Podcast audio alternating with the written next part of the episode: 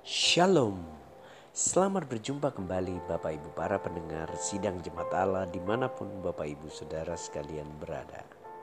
Saya percaya Bapak Ibu Saudara sekalian dalam kondisi yang sehat Diberkati oleh Tuhan Dipelihara dalam segala kebaikan dan kemurahan Tuhan. Kita akan segera mendengarkan renungan firman Tuhan dengan judul Mengapa Allah mengizinkannya Teks kita terambil dalam Ibrani pasal 11, Ibrani pasal 12 ayat yang ke-11. Di situ dikatakan, memang tiap-tiap ganjaran pada waktu ia diberikan tidak mendatangkan sukacita, tetapi duka cita. Tetapi kemudian ia menghasilkan buah kebenaran yang memberikan damai sejahtera kepada mereka yang dilatih olehnya. Bapak Ibu para pendengar yang dikasih oleh Tuhan Yesus Kristus, kita mungkin sering kali bertanya, mengapa Tuhan mengizinkan keadaan buruk, kejadian buruk, atau peristiwa-peristiwa yang buruk menimpa kehidupan kita? Bukankah Dia Maha Kasih? Bukankah Dia dapat menjauhkan itu dari hadapan kita? Lalu, mengapa saya harus mengalaminya? Mengapa saya harus ada dalam kondisi seperti itu? Bukankah Dia Maha Baik?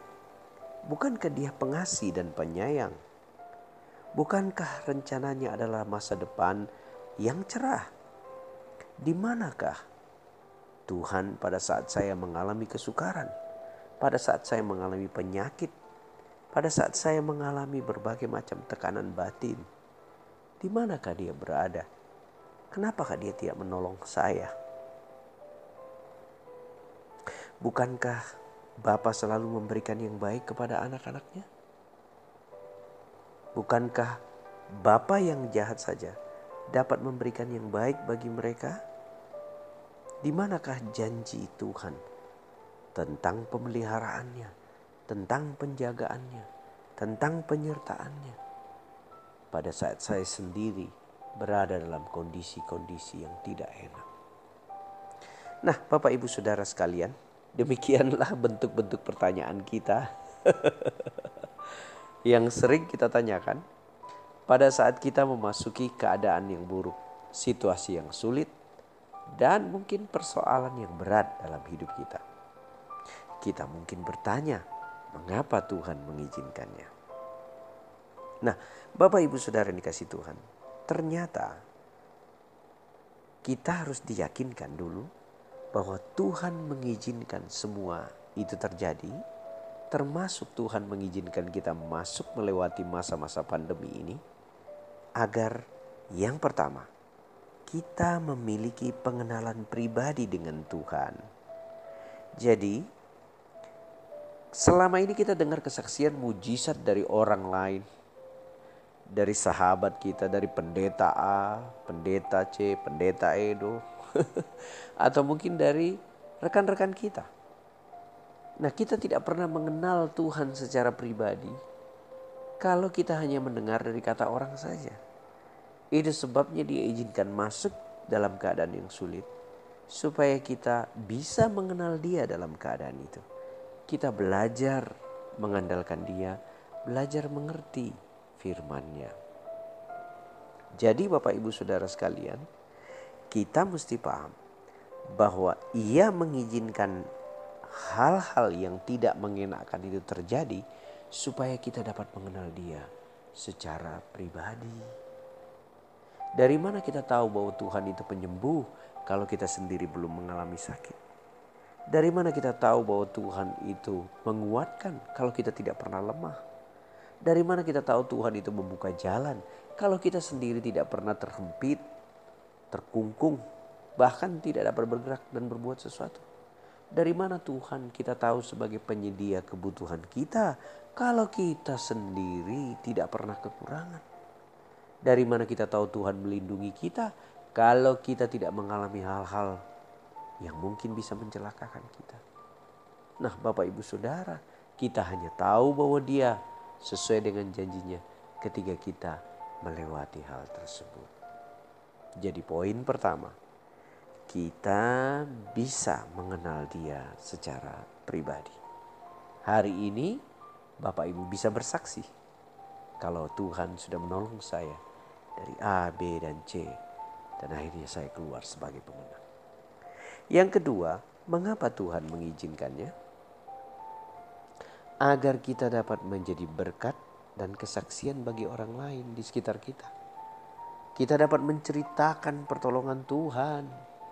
Itulah sebabnya dia izinkan kita hadapi kekurangan. Supaya kita bisa, eh bro, kamu harus percaya kepada Tuhan bahwa dalam kekurangan seperti ini, ternyata Tuhan memelihara saya. Eh bro,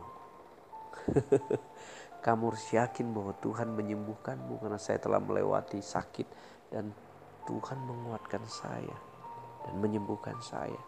Jadi Bapak Ibu, ketika Tuhan mengizinkan kita masuk dalam suatu keadaan yang tidak mengenakan, meng mengusir rasa nyaman kita, kita sebenarnya sedang dipakai alat oleh Tuhan, dijadikan alat oleh Tuhan untuk menjadi kesaksian bagi banyak orang.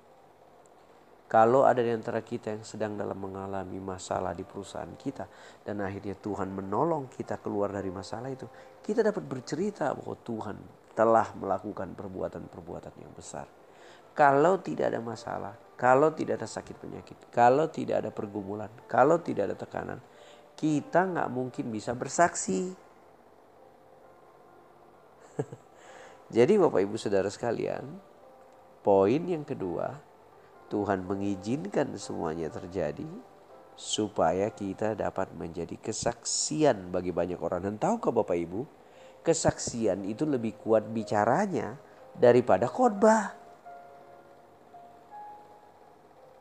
Ada seorang pendeta pernah berkata bahwa kekuatan kesaksian itu memberikan dampak yang lebih besar daripada hanya sekedar berkhotbah. Mungkin berkhotbah kita mendengar firman Tuhan dan dikuatkan. Tapi yang melakukan firman Tuhan dan keluar sebagai pemenang itu adalah kesaksian yang baik. Jadi bukan berarti khotbah nggak penting. Bukan itu maksud saya. Maksud saya adalah khotbah itu penting. Tetapi firman Allah yang dikhotbahkan itu hidup dalam kita ketika kita melakukan firman-Nya di tengah keadaan yang buruk.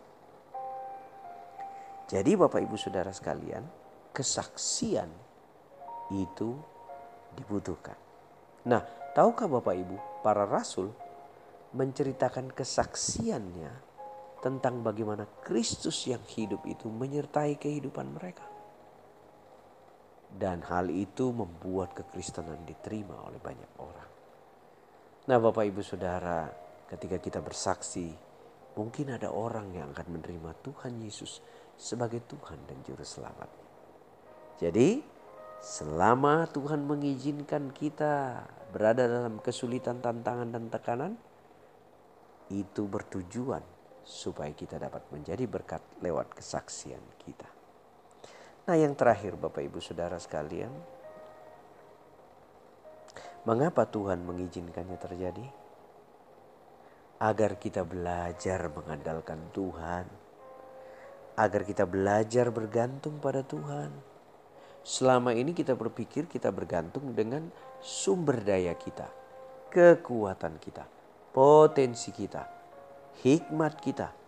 Tetapi ketika kita lemah, siapa lagi yang dapat diandalkan? Hanya satu, Tuhan. Dan tahukah Bapak Ibu Saudara, Tuhan kadangkala menggiring kita pada situasi di mana tidak ada lagi yang bisa diharapkan dari diri kita, orang lain, sesama, bahkan harta benda kita tidak dapat menolong kita. Sehingga yang tertinggal satu-satunya harta kita adalah Tuhan. Suatu hari ada seorang pendeta didatangi oleh seorang jemaatnya. Lalu Jemaat itu berkata kepada pendeta, Pak saya sudah hancur, saya sudah habis, saya sudah ludes. Saya sudah tidak ada harapan. Karena ekonomi yang begitu sulit. Pak pendeta berkata, jadi hartamu yang tertinggal itu siapa? Atau apa hartamu yang tertinggal? Jemaat itu terdiam lalu dia melihat gambar salib Kristus dan dia berkata, yang masih tinggal itu adalah Tuhan Yesus di hati saya. Lalu sang pendeta itu berkata, bagus. Itu berarti kamu punya kesempatan untuk bangkit lagi. Kamu punya kesempatan untuk kuat lagi. Karena Alkitab berkata, bersama dengan Tuhan kita cakap menanggung segala perkara. Nah Bapak Ibu mungkin harta kita yang terakhir adalah tinggal Tuhan. Tapi jangan khawatir, dia akan bekerja dan memproses kita untuk bisa bangkit lagi, kuat lagi, dan keluar sebagai pemenang. Kiranya firman Tuhan hari ini menguatkan kita dan menyadarkan kita. Kalau kita bertanya, mengapa ia mengizinkannya terjadi? biarlah firman ini dapat teringat kembali dalam hati dan pikiran Bapak Ibu Saudara sekalian. Tuhan Yesus memberkati kita Bapak Ibu Saudara. Biarlah damai sejahtera sukacita, kebaikan dan kemurahan Tuhan menjadi bagian kita. Sehat selalu, kuat dan diberkati umur panjang. Shalom.